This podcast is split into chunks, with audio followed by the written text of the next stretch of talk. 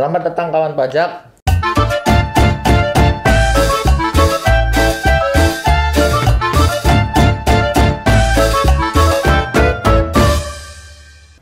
Kembali lagi bersama kami Pajak Muntok Podcast. Pada episode ke-10 kali ini kita kedatangan tamu istimewa ya. Beliau adalah Kepala KP2KP Muntok yang baru menggantikan Bapak Sabto Mulyono per bulan Juni 2021. Beliau adalah Bapak Rizky Anitya. Silahkan. Oke, salam kenal eh, kawan pajak. Perkenalkan nama saya Rizky Anditya. Saya di sini sekarang sebagai Kepala KP2KP Muntok per Juni 2021. Oke, gimana kabarnya Pak? Sehat? Alhamdulillah sehat. Sehat, Alhamdulillah. Oke. Oh ya, eh, disclaimer ya, kawan pajak. Eh, kami minta izin eh, untuk buka masker ya. Sebelumnya juga kami sudah vaksin dua kali. Kami juga sudah rapid antigen, hasilnya negatif. Dan kami berserta tim juga tetap menerapkan prokes. Gitu. Oke, Eh, kembali lagi ke topik eh, karena kita akan membahas terkait NPWP instansi pemerintah. Yang pertama itu apa itu sih NPWP instansi pemerintah, Pak? Oke, eh, dulu mungkin orang kenalnya adalah NPWP Bendahara. Iya, Jadi sesuai dengan adanya terbitnya PMK 231 eh, tahun 2019 tanggal 31 Desember 2019 tentang tata cara tata cara pendaftaran dan penghapusan NPWP, pengukuhan dan pencabutan PKP serta pemotongan dan atau pemungutan, penyetoran dan pelaporan pajak bagi instansi pemerintah yang berlaku mulai tanggal 1 April 2020. Jadi gini, eh, dulu setiap eh, kita selalu nyebutnya NPWP bendahara, bendahara. Padahal bendahara itu adalah Benar. eh, jabatan intinya sih seperti itu. Iya. Orangnya bendaharawan. Nah, kadang-kadang dalam satu dinas itu ada eh, beberapa NPWP karena ada satker, ada proyek, akhirnya diterbitkan NPWP. Nah, pada saat proyek itu selesai atau orang itu sudah tidak menjabat, biasanya NPWP itu akan eh, tidak efektif lagi ini ya seperti Iya. itu karena dulu biasanya uh, pembuatan NPWP bendahara itu ada dalam kurungnya nama bendaharawannya Oh, seperti itu Kayak melekat ke namanya melekat ya. ke nama bukan ke entitasnya makanya dengan terbitnya PMK 213 ditertibkanlah nih jadi bahwa sekarang satu dinas atau satu uh, entitas hanya boleh satu uh, NPWP, NPWP, seperti itu jadi untuk masalah simplicity, uh, sim- simplicity untuk kesederhanaan, kesim simple, mudah intinya seperti itu. Terus juga mungkin uh, untuk meningkatkan kepatuhan dari uh, NPWP instansi pemerintah pusat, pemerintah daerah, dan pemerintah desa. Jadi kita menyebutnya sekarang ada tiga. Oh, NPWP uh, instansi pemerintah pusat, NPWP instansi pemerintah daerah, dan instansi pemerintah desa. Desa, ya. Seperti itu. Oke, ada tiga ya. Hmm, Oke. Terus eh, lanjut eh, tadi terkait MPB instansi pemerintah itu apa saja sih Pak? Itu kewajibannya sebagai bendaharanya juga? Oke. Secara kewajiban itu tidak berubah dengan uh, peraturan sebelumnya bahwa uh, NPWP instansi tadi pusat, daerah dan desa kewajiban ada pertama adalah PPh 21 mungkin terkait dengan uh, pembayaran gaji baik itu pegawai tetap honorer ataupun ada uh, tenaga ahli seperti itu. Terus kedua uh, PPh pasal 22. Nah, PPh pasal 22 ini akan dipungut jika transaksi pembelian barangnya dengan nilai di atas 2 juta rupiah. 2 juta ya ini 2 ya juta. batasannya ya. Iya, 2 juta itu maksudnya itu di atas 2 juta atau 2 juta pas kenapa? Eh, sampai dengan 2 juta itu tidak dikenakan. Oh, ya. Jadi kalau udah 2 juta 100, eh, 100 rupiah itu udah kena PPh pasal Oh, iya. 22 tarifnya satu setengah persen seperti itu Mas PI. 1,5%. Nah, terus eh, selain itu ada PPh pasal 23. Nah, untuk PPh pasal 23 ini ini no limit.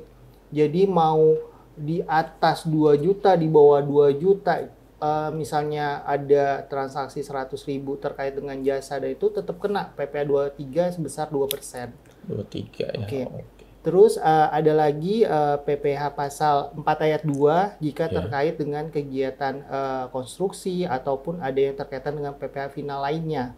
Terus Hmm. ada lagi eh, PPh pasal 15 itu jika terkaitan dengan eh, penerbangan dan apa pun pemotongan itu seperti itu. Terus juga pasal 26 jika transaksi dengan uh, wajib pajak uh, luar negeri seperti Hmm. itu. Uh, satu lagi yang pasti PPN. Nah, untuk PPN sama nih seperti PPh pasal 22, limit uh, yang dikenakan PPN adalah yang di atas 2 juta. Oh, berarti harusnya tadi secara tidak langsung harusnya 22 sama PPN itu berkaitan ya. Pasti berkaitan. Kalau PPN itu pasti akan berkaitan dengan 22, dengan 23 ataupun dengan 21 ataupun 4 ayat 2. Pasti PPN akan berkaitan ke segala lini PPh. Oh iya, oke oke, benar sekali.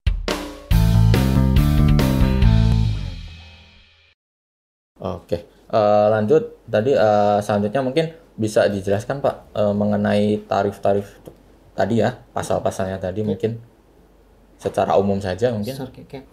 Eh, kita pertama dengan PP pasal 21. Nah, PP 21 itu eh, sebetulnya secara peraturan tarif dan pemotongan dan semuanya sama dengan eh, NPWP baik itu badan ataupun PT CV yang lainnya. Dia patokannya adalah di Per 16 pasal eh, Per 16 tahun 2016 di situ. Jadi tarifnya tetap pasal 17 progresif eh, untuk pegawai tetap 0 eh, 5 10 25 sampai 30. Terus untuk pegawai tidak tetap tarifnya eh, 50% kali 5% da- dan seterusnya itu ya sih seperti itu. Itu untuk P- PPh 21.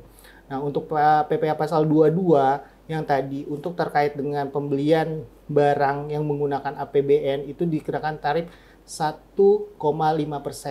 Tapi kalau misalnya eh, vendornya atau rekanan dari ben- dari eh, N- ins- NPWP instansi pemerintah dan dia mempunyai eh, surat keterangan terdaftar PP23 atau SKT PP23 itu akhirnya tidak dipotong PPh pasal eh, 22 satu setengah persen tapi eh, mengikuti aturan PP 23 0,5 persen. Seperti itu. Jadi lebih kecil ya. lebih kecil. Nah, terus juga misalnya kayak PPh pasal 23 eh, itu kan kalau misalnya berkaitan dengan jasa atau kegiatan yang lainnya itu kan dipotong juga 2%. Iya, Tapi kalau misalnya tadi rekanan atau vendornya ternyata eh, WP yang eh, peredaran bruto tertentu dan dia punya SKT 23 pada saat eh, melampirkan eh, pada saat permintaan pembayaran ke itu itu jadi tidak dipotong 2% tapi 0,5 seperti itu.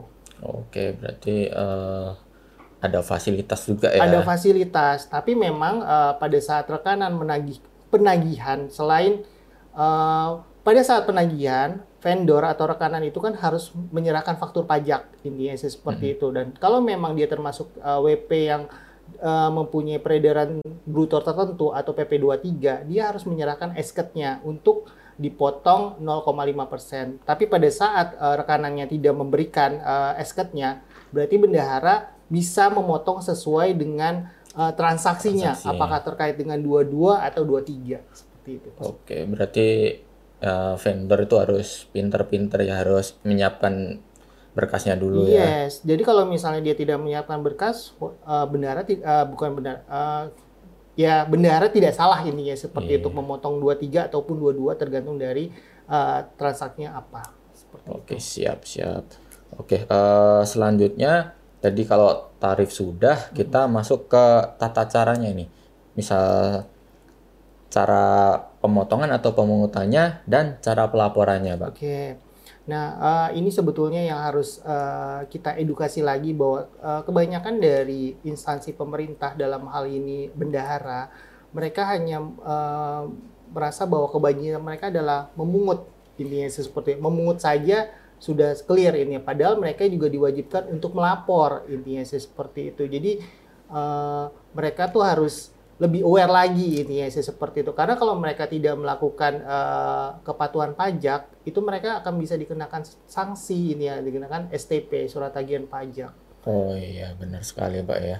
Jadi, misal kayak tadi kan harusnya kalau misalkan ada belanja, pemotongan atau pemungutan pasal 22 ya harusnya ada PPN-nya juga ya iya. yang dilaporkan juga intinya ya. sih seperti itu. Nah kalau misalnya mereka sampai tidak melaporkan dan diterbitkan sanksi kan kita tahu bahwa di anggaran eh, belanja dinas atau pemerintah itu kan tidak ada untuk pembayaran sanksi pajak intinya sih seperti itu. Mungkin dulu eh, sebelumnya eh, untuk NPWP bendahara tuh kayak ada privilege untuk tidak diterbitkan STP. Tapi Hmm. sekarang dengan adanya misalnya temuan dari BPK ataupun uh, dari kepatuhan, ya itu mau tidak mau diterbitkan. Jadi dari uh, bendaharanya itu harus lebih aware lagi. Jadi mereka tidak hanya memungut, tapi juga mereka harus memotong. Dan pada saat memungut pun mereka harus lihat jatuh temponya intinya sih seperti itu. Oh, Jadi iya. bukan berarti mereka bisa semau maunya nih intinya sih seperti itu. Nah untuk pemungutan eh, di PMK 231 ini ini memang agak sedikit berlaku khusus karena mereka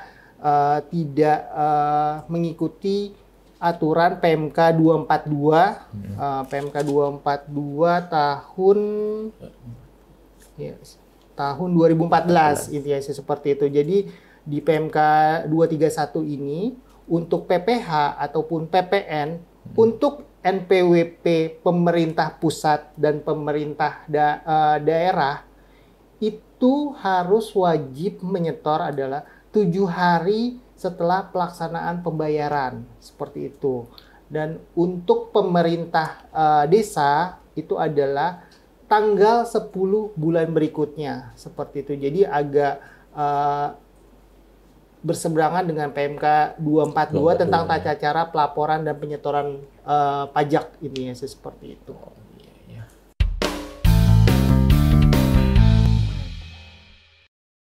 Itu tadi untuk ini Pak ya, penyetorannya. Nah, selanjutnya tadi pelaporannya gitu Pak. Oke, pelaporannya. Jadi eh, untuk eh, PPH pasal 21 berarti sudah menggunakan ISPT 21, Mm-mm. terus 22 ISPT 22, 23 sudah menggunakan Ibu Pot intinya dan media pelaporannya semua sudah menggunakan e-filing melalui DJP online seperti itu.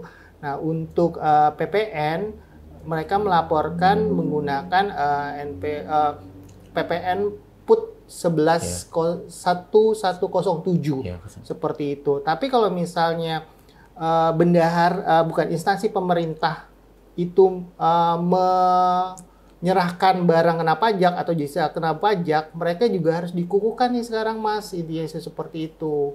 Oh, Jadi iya. mereka selain melaporkan 1107, mereka juga melaporkan SPT 11 11 11. Iya, PPN dalam PPN negeri ya. Dalam negeri seperti itu. Tapi itu kalau misalkan dari instansi pemerintah yang menyerahkan Iya. barang atau jasa kena Sa- pajak ya Pak ya. Benar. Oh iya, jadi bendahara juga bisa dikukuhkan sebagai PKP ya. Bisa ini ya seperti itu.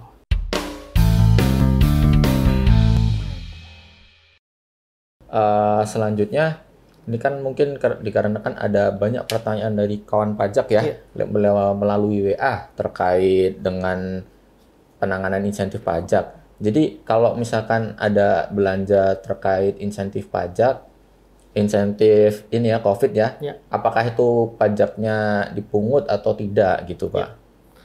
Eh, terkait dengan banyak pertanyaan bahwa eh, kan untuk terkait penanganan COVID ini dibebaskan pajak intinya sih seperti itu. Tapi bukan eh, bebas yang dalam arti benar-benar bebas. Yang harus diketahui adalah yang menerima penghasilan itu eh, mereka tuh dapat fasilitas COVID nggak intinya sesuai dengan PMK 82 ataupun PMK 83 intinya Oh, iya. seperti itu. Jadi pada saat mereka menagih melaku, menagih dengan invoice, mereka harus melampirkan SKB PMK 82 seperti itu. Kalau misalnya vendornya punya fasilitas itu dan punya SKB-nya, berarti dari bendaharanya tidak boleh untuk memungut seperti itu, Mas. Tapi kalau misalnya pada saat penagihan tidak ada SKB-nya, SKB PMK 82 intinya seperti itu, ya bendahara tetap harus memungut intinya seperti itu. Jadi bukan berarti semua bebas, tapi harus dari vendornya membuktikan bahwa memang mereka mendapat fasilitas insentif COVID seperti itu. Oke.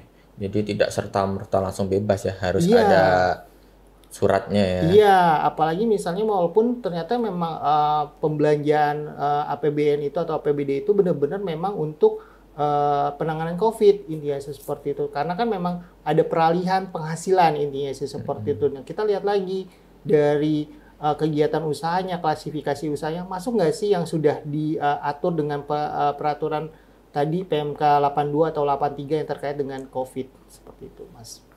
Oke, jadi eh kawan pajak misal tadi ada transaksi misalkan dengan vendor ya misalkan dari instansi pemerintah ya dari MPP instansi pemerintah eh, bisa dicek dulu atau dikonfirmasi dulu ya dengan vendornya Iya. apakah tadi mereka termasuk yang mendapat fasilitas insentif COVID ya di atau sesuai PMK 82 atau PMK 83 begitu. Oke, terima kasih. Oke. Eh, terima kasih untuk penjelasannya mengenai NPP instansi pemerintah Bapak Rizky Anditya. Eh, semoga ini dapat membantu kawan pajak ya eh, mengenai ilmu perpajakannya. Semoga jadi lebih paham ya, gitu. Oke, baik. Eh, sebelum menutup podcast ini, eh, mari kita ini pak ya, buat ini pak menyerukan semboyan pak. Oke. Jadi ketika nanti saya sebutkan pajak kuat, nanti kita sama-sama bilang Indonesia, Indonesia maju. maju. Oke. Oke. Satu, dua, tiga ya. Pajak kuat, Indonesia, Indonesia maju. maju.